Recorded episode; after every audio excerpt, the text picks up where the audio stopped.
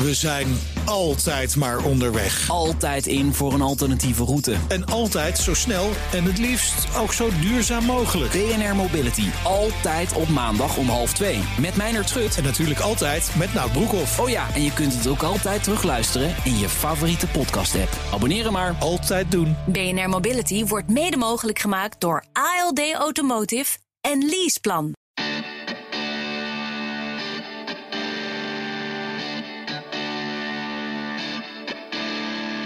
Gaat de coronacrisis voor fundamenteel ander mobiliteitsbeleid zorgen? En in hoeverre vraagt dat een andere koers en visie van de overheid?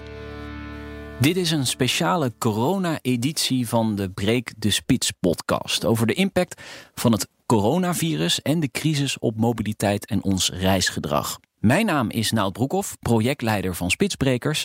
Vanwege de coronacrisis zijn er geen files en daarom ga ik in deze podcast in gesprek met de juryleden van Spitsbrekers over de veranderingen op het gebied van mobiliteit door corona.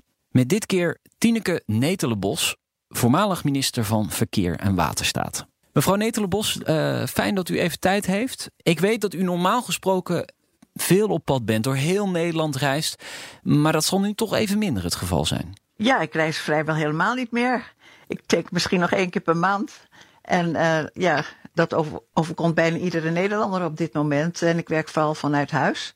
En gebruik uh, zo, zo de nieuwe media daarbij, zoals Zoom en Team. En soms hebben ze ook weer andere programma's. En dat gaat eigenlijk best wel goed. Ja, hoe, hoe kijkt u naar deze enorme verandering die nu op dit moment gaande is? Nou ja, in de eerste plaats met veel zorg natuurlijk, want uh, onze economie heeft het zwaar te verduren. En dat geldt ook voor, uh, voor heel veel uh, individuele mensen, dat, dat er grote zorgen zijn en niemand weet hoe dit afloopt. Dus, dus dat, dat maakt natuurlijk toch dat je denkt van, ja, wanneer eindigt dit en hoe lang gaat dit door? Maar aan de andere kant, uh, ik kan me nog herinneren uit de tijd dat ik minister was, dat we heel veel pleidooi hielden voor meer thuiswerken. En dat, dat er allerlei projecten waren om dat uh, te bevorderen. Uh, ook bussen die we speciaal rond lieten rijden met, met, met computers daarin, zodat mensen dan niet in de spits naar hun werk hoefden. Maar dat ging toen niet echt heel erg makkelijk.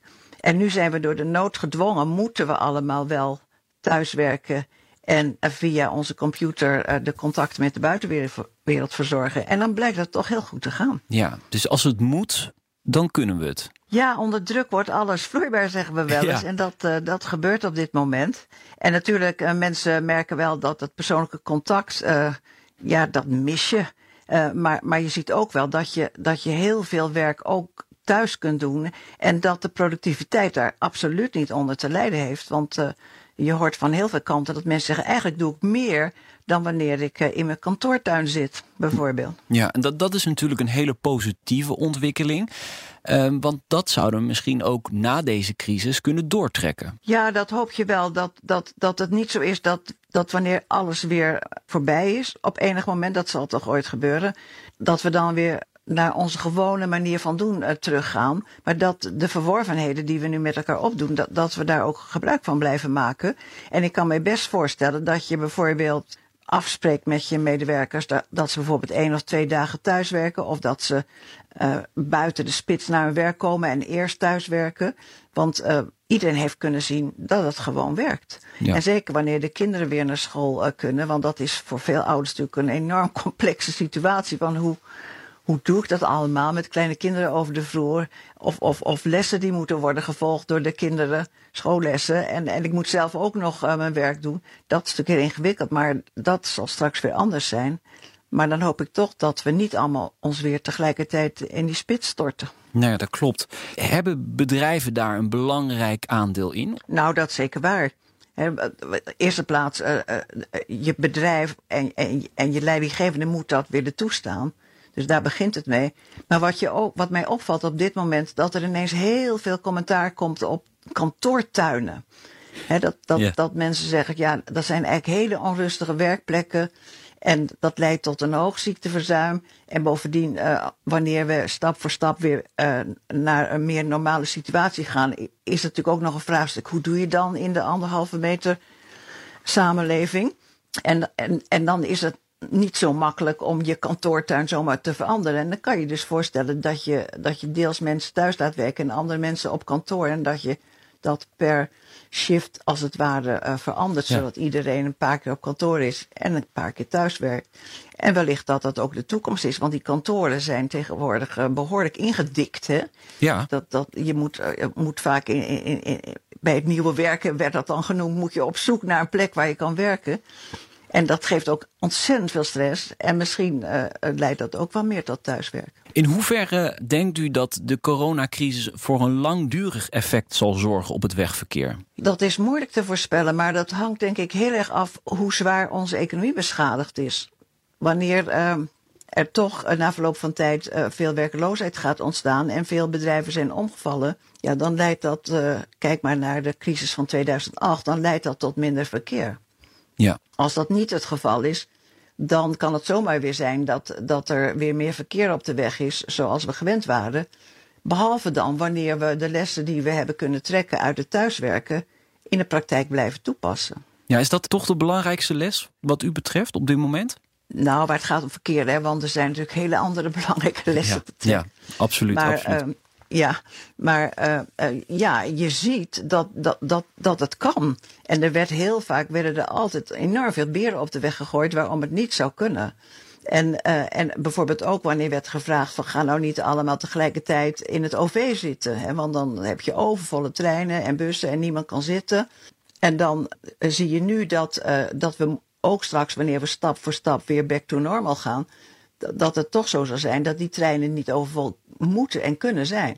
Uh, en, en dan zul je toch meer moeten spreiden. En je ziet zelfs dat, uh, we hebben, ook vaak gevraagd van kan het onderwijs bijvoorbeeld niet op andere tijden beginnen? Uh, het hoger onderwijs bijvoorbeeld of het middelbaar beroepsonderwijs. Nou, je ziet nu dat, dat er heel veel colleges worden gegeven online. Je ziet ook dat zelfs tentamens afgenomen worden online. En dat maakt misschien toch dat er beter nagedacht kan worden over spreiding van onze mobiliteit over de dag heen. Ja. Dan, uh, dan we dachten dat ooit kon. Ja. Vergt dit ook een andere visie en een andere koers van het kabinet, de overheid? Nou, dat is voor de overheid altijd heel moeilijk. Je, je kan het wel stimuleren. Hè, stel dat alles weer normaal is hè, en dat we een vaccin hebben gevonden tegen het coronavirus en dat we allemaal weer kunnen doen wat we willen doen dan weet ik uit eigen ervaring dat als de minister van Verkeer gaat roepen van uh, u moet niet allemaal in de spits gaan reizen, want dan hebben we een groot probleem, dat, dat daar niet makkelijk zomaar naar geluisterd wordt. Maar, maar wat wel is, is dat je ziet dat, uh, dat, dat we nu hebben ervaren met z'n allen dat er heel veel voordelen aan kleven. En, en dat je dus een maatschappelijke ontwikkeling krijgt, waardoor mensen zeggen, nou, ik, ik wil dat wel continueren, ik vind dat prettig. Ik vind uh, in de file zitten vind ik een ramp. Hè. Ik denk dat heel veel mensen nu meer relaxed zijn doordat ze niet dagelijks in die file hoeven te zitten. En, en dat zou toch mooi zijn als we dat kunnen continueren. Ja, je leest zelfs verhalen van mensen die tot rust komen, hè? Ja, dat kan ik me heel goed voorstellen. Ik heb zelf tien jaar lang heen en weer moeten reizen van Rotterdam naar Hoofddorp. En dat nou niet bepaald een, uh, een, een, traject zonder files. En dat is dan toch wel heel lastig hoor. Wanneer je dan uh, in, in de spits uh, je zit te verbijten omdat je over de weg kruipt. Nou, als dat nou eens niet meer zo hoeven. want we weten wel dat het aanleggen van steeds meer asfalt, dat helpt altijd maar tijdelijk. Maar thuiswerken helpt natuurlijk structureel. Dus ik hoop dat er veel meer maatschappelijke steun is voor dit soort manier van werken met elkaar. Ja, een jaar geleden zei u in een van onze podcasts uh, dat het vervoersdebat in Nederland echt was vastgelopen. Hè? Wordt dit het moment waarbij dat weer in gang gezet gaat worden straks als we weer kunnen relativeren als deze crisis misschien voorbij is? Ja, ik hoop dat wel. Ik, ik hoop ook dat, uh, dat je ziet ook de discussie over de luchtvaart zie je nu ontstaan. Je ziet de discussie over uh, uh, hoe om te gaan met het openbaar vervoer in de spit zie je komen. Je ziet ook het, het, thuiswerk gepropageerd worden nogmaals. Hè. Dus dat, dat, dat, dat, dat is de manier waarop je met elkaar kunt zorgen dat je niet maar eindeloos veel infrastructuur hoeft aan te leggen, maar, maar dat je de infrastructuur die er is beter gebruikt over de dag en de nacht wellicht ook. Ja. Dus, dus ja, ik, ik, ik denk wel dat er nu veel meer draagvlak is. En als de politiek nou weer niet uh, na verloop van tijd weer in de, in de vaste groove komen als het ware, dan, ja. dan kan de samenleving laten zien dat ze het zelf wel oplost. Maar dat, dat is toch eigenlijk politiek altijd een klein beetje wat u zegt? Ja, Nou ja, weet je, de, uh, politici denken natuurlijk heel vaak, ik was er zelf ook een, uh, dat je iets vindt omdat jouw achterban dat vindt. Mm -hmm. Nou, er zijn partijen waarvan de achterban vindt dat er hoe meer asfalt, hoe beter. Maar je ziet op dit moment dat, dat er alternatieven echt, dat er echt alternatieven zijn. En dat maakt wellicht ook dat dat uh, gepolitiseerde debat, wat er toch vaak is over verkeer en vervoer, dat dat op een andere manier gevoerd kan worden. En er is natuurlijk ook minder geld. Ik bedoel, deze crisis maakt ook dat, dat uh, we hebben wel dan diepe zakken, volgens minister Hoekstra, maar die zijn op een gegeven moment natuurlijk wel leeg. En dat maakt dus ook dat, dat, dat de gedachte dat, dat alles zomaar weer kan en dat er, ik weet niet wat voor infrastructuur kan worden aangelegd. Ik denk dat dat jarenlang nog niet het geval zal zijn. Dus dat betekent ook dat de goede ervaring die we nu hebben opgedaan, dat we die moeten continueren. Want daar is nu ook discussie over. Hè? Bijvoorbeeld moeten we infrastructuurprojecten nog wel door laten gaan of misschien zelfs eerder uitvoeren. Hoe kijkt u daarnaar? Nou, dat is terecht. Want, want kijk, als je kijkt naar wat er nu gebeurt. Uh, dan, dan, dan, dan zie je ook dat, dat ons, onze verpleegkundigen en onze uh, leraren, dat, dat, en trouwens ook onze politie en onze veiligheidsdiensten, dat dat allemaal hele essentiële beroepen zijn. En die mensen hebben we behoorlijk kort gehouden in de, kom, in de afgelopen periode. Mm. En die zullen zo direct natuurlijk terecht komen vragen. U heeft veel waardering gehad voor wat wij met z'n allen hebben gepresteerd. Maar we willen nu ook wel boter bij de vis. Dus die zullen echt terecht een claim neerleggen om hun salarissen te verbeteren. En dat maakt natuurlijk ook dat andere zaken dan niet zo makkelijk kunnen. Ten meer daar natuurlijk door de crisis we heel wat procenten achterop zijn geraakt met z'n allen. En ik denk dan uh, dat je beter kunt kijken van hoe je het verkeer, de, de bestaande infrastructuur beter benut. En zelfs Schiphol zegt ook van nou, wij, wij zien niet dat meteen Schiphol weer maximaal gebruikt gaat worden, maar dat zal een hele aantal jaren duren voordat we weer aan het maximum zitten. En ik denk dat we zo met elkaar moeten omgaan. Projecten uitstellen of misschien helemaal afstellen, dat zit zeker in de lijn der verwachting, denkt u. Stel, stel u zou verkeersminister nog zijn. Nou, dan zou ik, zou ik met mijn medewerkers flink gaan zitten om te kijken van wat, wat, wat hebben we nu allemaal in de pijplijn zitten. En, en we kijken nu naar de huidige situatie. En we hebben een inschatting uh, via het Centraal Planbureau wellicht van, van hoe de economie zich gaat ontwikkelen weer in de komende periode. Wat de verwachtingen zijn. En dan gaan we nog eens kritisch kijken naar wat we allemaal van plan waren te doen. En dan zullen sommige dingen door kunnen gaan, maar andere uh, waarschijnlijk niet. Ja, is dat ook het advies aan uh, Cora van Nieuwhuizen, de, de, de huidige minister op dat vlak? Nou, die heeft van mij geen advies nodig hoor. Die kan dat wel zelf samen met haar mensen. Ja, dat, dat mogen we hopen. U had het net even over de alternatieven. Een, een interessant alternatief is toch ook de fiets op dit moment. Ja. Uh, het openbaar vervoer, uh, dat is voor sommige mensen misschien een no-go vanwege het coronavirus. Zeker, ja. zeker ook om besmet te raken. maar misschien ook omdat het openbaar vervoer straks in die anderhalve meter samen samenleving natuurlijk heel moeilijk kan functioneren. Dus de fiets is een mooi alternatief, toch? Zeker, absoluut. En je ziet ook dat, uh, dat het aantal elektrische fietsen, de verkoop ervan enorm toeneemt. En dat is dus zeker een alternatief, ja. En zou je dat als overheid nog extra kunnen stimuleren? Nou, fiscaal zijn er al regelingen voor fietsen via de zaak. Hè? Dus daar kan gebruik van worden gemaakt. En uh, wat ik hoorde in, in Berlijn, in Duitsland, uh, zijn ze de fietspaden nu aan het verbreden.